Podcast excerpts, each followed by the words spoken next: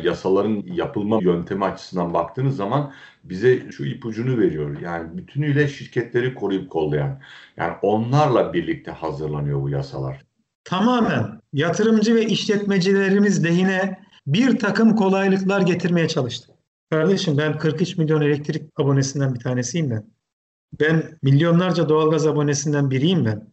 Benim için ne getirdin Sayın Vekil? Benim için ne getirdin? Faaliyet ruhsatının dışında e, yeni tesis yapma hakkı e, elde ediyorlar e, şirketler. Bu korkunç bir düzenleme. Kulağınız bizde, kısa dalgada olsun. Haber podcastle buluştu. Kısa Dalga Podcast. Herkese merhaba. Kaz Dağları'ndan Karadeniz'e, Dersim'den Muğla'ya, Anadolu'nun pek çok yerinde yerel halkın itirazları, direnişleri kulağımıza geliyor. Tabi bunlar kısıtlı. Çünkü medyanın büyük bir bölümü bunlara yer vermiyor. Ancak alternatif medyadan, internetten duyurabiliyor insanlar sesini. Genellikle dertleri nedir? Kendi yaşadıkları yerleri kökünden değiştirecek projelere karşı haklarını aramak. Fındık bahçemizin içerisinde 70-80 senedir mahsulünü aldığımız, vergisini verdiğimiz bahçenin içerisinde bize bir müdahale var. Biz sessiz eylemimizi yapmakla mükellefiz. Ama genelde de e, böyle olduğunda karşılarında şirketleri buluyorlar ve kolluk güçlerini buluyorlar.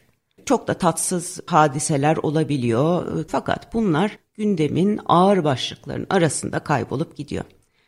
Fakat bu iş önemli. Ben de madenlerle ilgili araştırmaya başladığımda gördüm ki yeni bir yasa değişikliği gündemde ve enerji ve maden şirketlerine son derece büyük kolaylıklar sağlayan değişikliklere bir hazırlık yapılıyor. Bunun alt komisyon toplantısı yapıldı. Şimdi önümüzde tam adı elektrik piyasası kanunu ile bazı kanunlarda değişiklik yapılmasına dair kanun teklifi olan çok sıkıcı bir isim var farkındayım ama konu ciddi, konu hepimizi ilgilendiriyor. Elektrik piyasası kanunu derken burada maden ve enerji şirketlerinin karlılığını aslında arttıracak bir takım yollar aranıyor.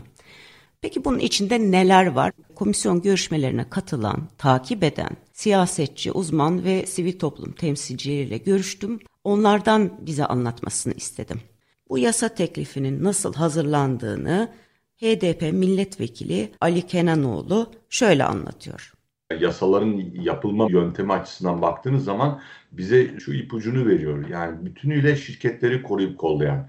Yani onlarla birlikte hazırlanıyor bu yasalar. Yani örneğin komisyondaki e, AKP'li vekiller şunu e, zaman zaman itiraf ediyorlar. Hani e, satır aralarında itiraf ediyorlar bir şeyi konuşurken falan ya da bir konu hakkında sorduğumuz soruya cevap verirken biz maden şirketleriyle oturduk, konuştuk, toplantı yaptık. İşte onların e, bu konuda şöyle şöyle düşünceleri vardı diye bir düşünceyi aktarırken aslında yasanın çıkmadan önce e, maden şirketleriyle oturup toplanıldığını, müzakere edildiğini ve onların görüşleri çerçevesinde bir maden mevzuatı hazırlandığına e, ipucu olarak alıyoruz biz o e, itiraflardan verdiğimiz sorulara cevap verilirken.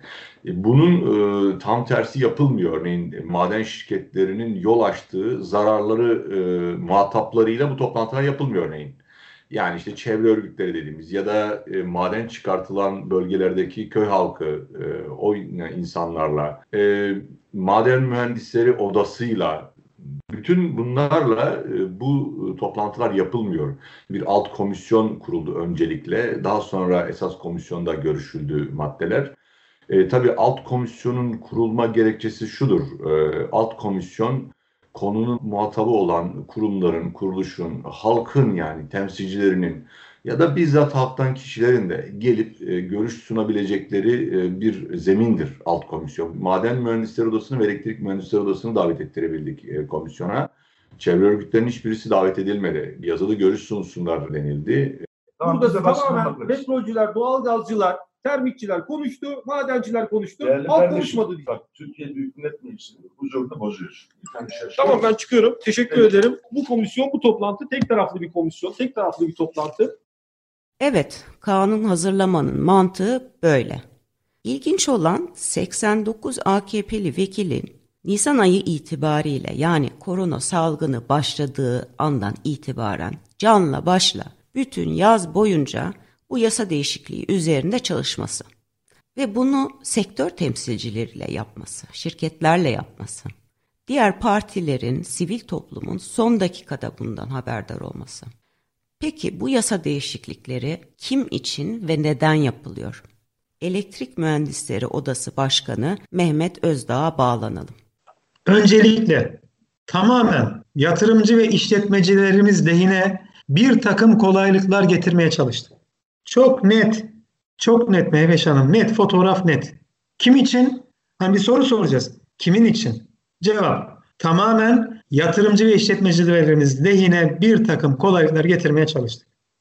Kardeşim ben 43 milyon elektrik abonesinden bir tanesiyim ben. Ben milyonlarca doğalgaz abonesinden biriyim ben. Benim için ne getirdin Sayın Vekil? Benim için ne getirdin? Yani tamamen bu kanun içerisinde şirketler var.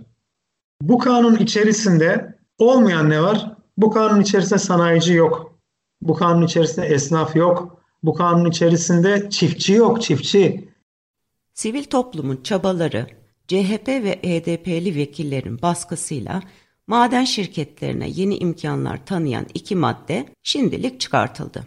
Ancak son dakikada maden şirketlerine kolaylık sağlayan yeni bir madde eklendi bu yasa değişikliği taslağına. Ekoloji Birliği eş sözcüsü Süheyla Doğan şöyle özetliyor. Maden kanunlarıyla ilgili işte 5-6 maddede öngörülen değişikliklerin 2-3 tanesinden kurtulduk e, yoğun mücadelemiz sonucunda. O maddeleri yeniden düzenlemek zorunda kaldılar. Bunun bir tanesi şeydi, e, firmalar e, ruhsatı bittikten sonra bakan onayıyla 12 ay daha ruhsatsız bir şekilde çalışabilirler gibi bir maddeydi. E, çok yoğun tepkilerimiz sonucu bunu kaldırdılar ve firmaları e, faaliyet ruhsatı bitmeden önce 12 ay önce e, başvurmaları gerekir diye düzenlediler. Ya zaten yapılması gereken buydu.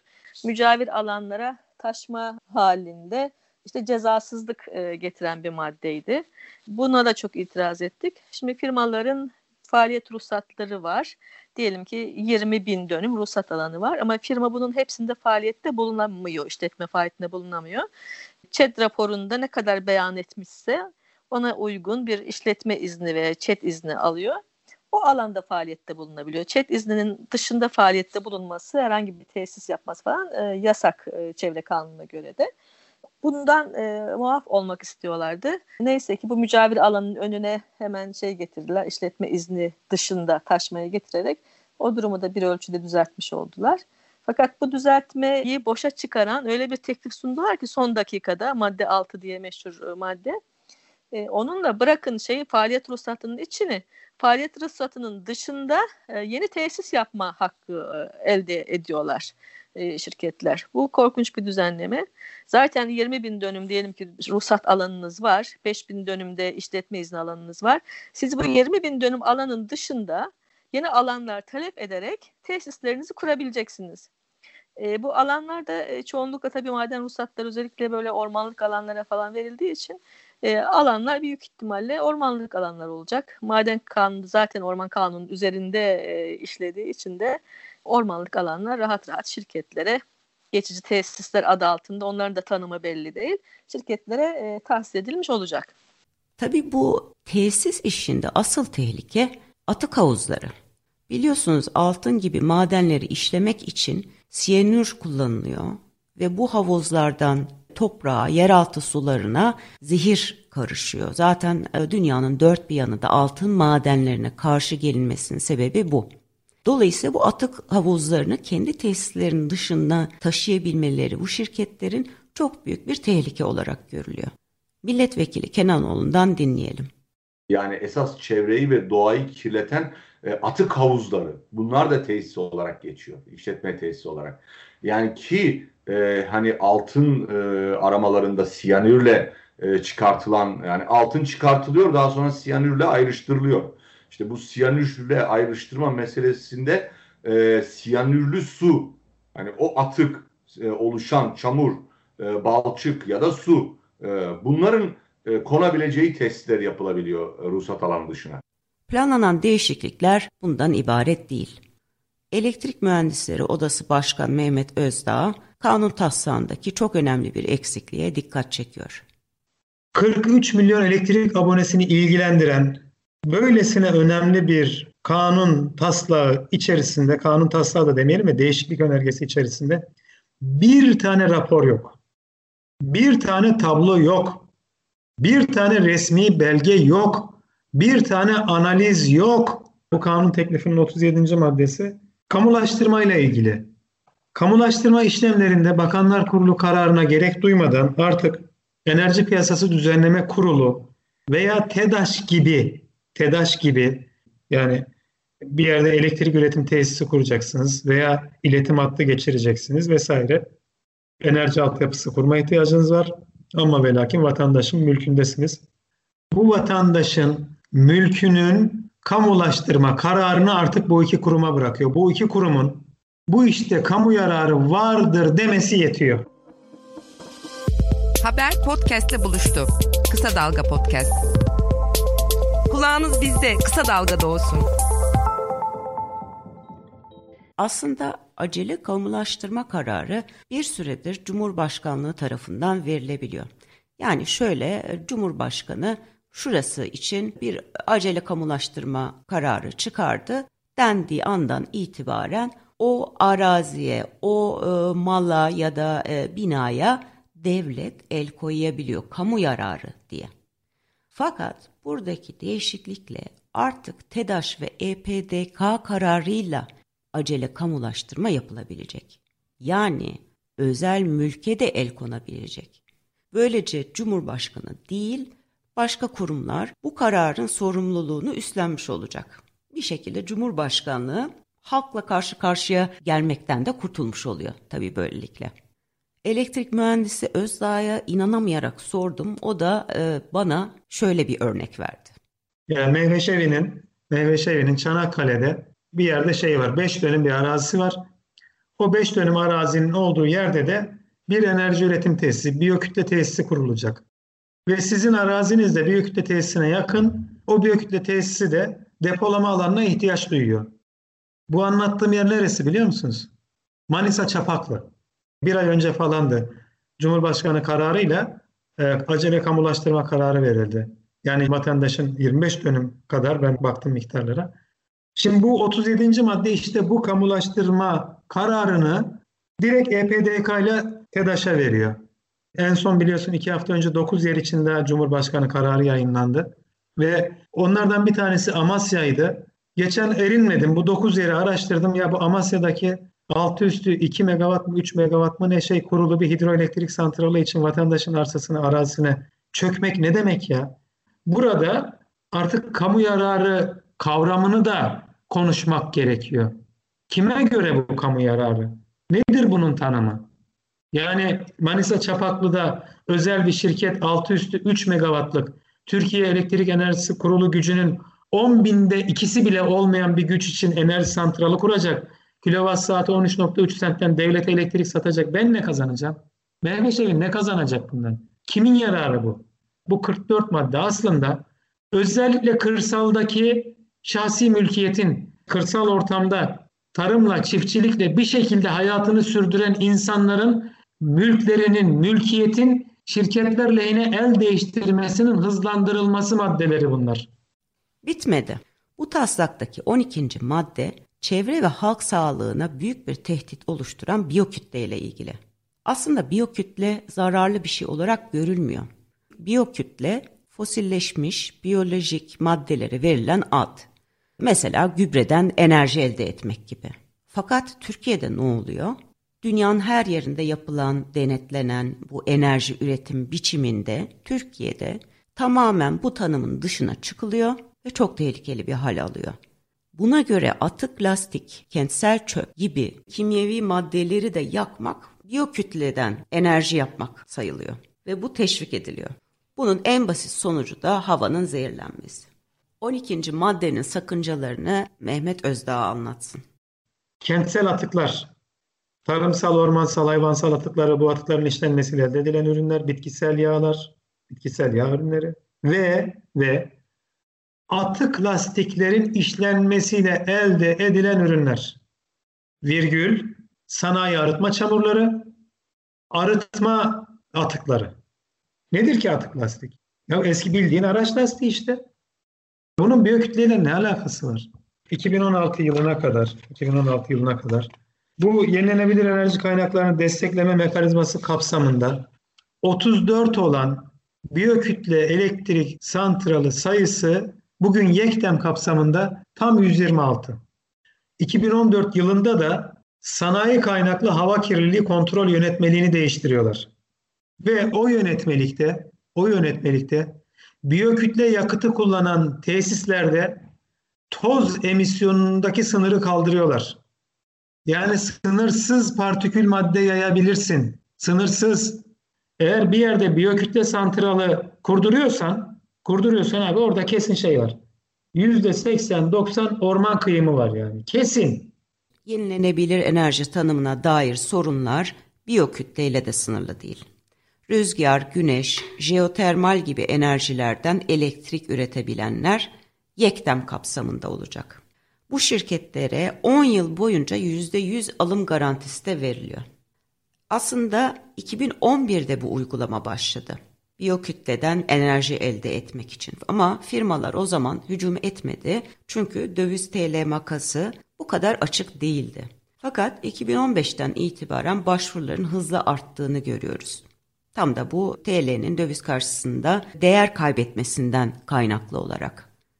İşte 13. madde bu desteklerin aynen devam etmesini öngörüyor. HES'ler ve atık yakma başta olmak üzere bu enerjiyi üretenlere piyasanın 3 katı destek verilmesi şüphesiz çevresel yıkımı hızlandıracak. Gerçekten bu ülkenin orman varlığı bu biyokütle santralları yüzünden de hakikaten risk altında, yeminle risk altında. Facia büyük. Türkiye'nin ürettiği elektriğin net olarak 2019 yılı içerisinde %26'sı bütün tükettiğimiz elektriğin %26'sı Yekdem'den karşılandı.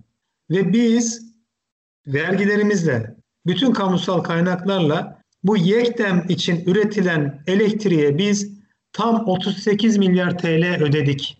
Tam 38 milyar TL ödedik. Yani biz bunu biz bunu eğer EÜH gibi kamusal kaynaklardan veya piyasa fiyatından alsaydık en fazla 15 milyar TL ödeyecektik. Yenilenebilir kaynaklardan üretim yapan, düşük kapasiteli, yatırımcısı için maliyeti yüksek ancak enerji verimliliği sağlayan e, ve bize teknolojik yenilik katan bir şey varsa destekleyelim bunu. Ama tutup da Cengiz Limak, Kolin, Kalyon, Türkerler gibi isim sayıyorum. Yüzlerce santralları var emin olun. Hepsinin yani bu sermaye gruplarının veya turizmde iştigal ederken burada da bu iş varmış deyip de giren firmaların sponsoru olmayalım biz. Kamuoyunda çok tartışılan kayıp kaçak konusu da bu düzenlemede var. HDP milletvekili Kenanoğlu'na sordum. E, bu maddenin yani kayıp ve kaçakla ilgili maddenin neden sorunlu olduğunu şu sözlerle anlattı. Şimdi birincisi kayıp kaçak bedeli deniyor. Ya burada bir kayıp var bir de kaçak var. Kayıp şu elektriğin üretildiği yerden eve gelene kadarki kısmına e, ve orada kaybedilen kısma kayıp deniliyor. Bu kaçak değil. Bu tamamen işletmeden kaynaklı sorun. Yani kayıp kaçak hanelerde ne kadar var? Fabrikalarda, işletmelerde ne kadar var? Bunun da ayırt edilmesi gerekiyor. Örneğin sanayi bölgesine giden elektrikte ne kadar kayıp kaçak var?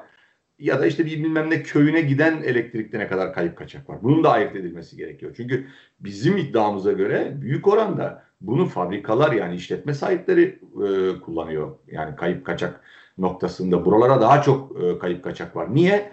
E, bir kere elektrik çok fazla üretildiği için oraya giden elektrikteki kayıp oranı yüksek. İki, kaçak kullanım oralarda da var yani. yani bu Türkiye'nin her tarafı geçerli.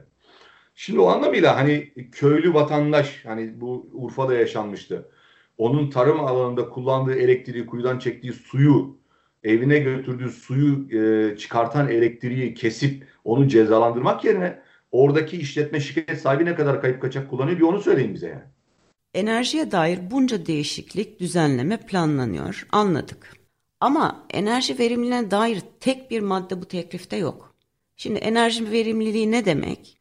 binaların, tesislerin yalıtımının yapılması böylelikle enerji tüketimini kısmak, ısrafı azaltmak. Bu ısıtma için de söz konusu, en çok ısıtma için söz konusu, ses için de e, söz konusu. Aslında Türkiye'de de bunu düzenleyen bir kanun var. E, bina yalıtımının yapılması, mantolamayla ilgili ama 2011'den sonra yapılan binalar için böyle bir belge isteniyor. Ondan önce yapılmış milyonlarca binanın yalıtımı sıfır. Hepiniz bunu gayet iyi biliyorsunuz değil mi?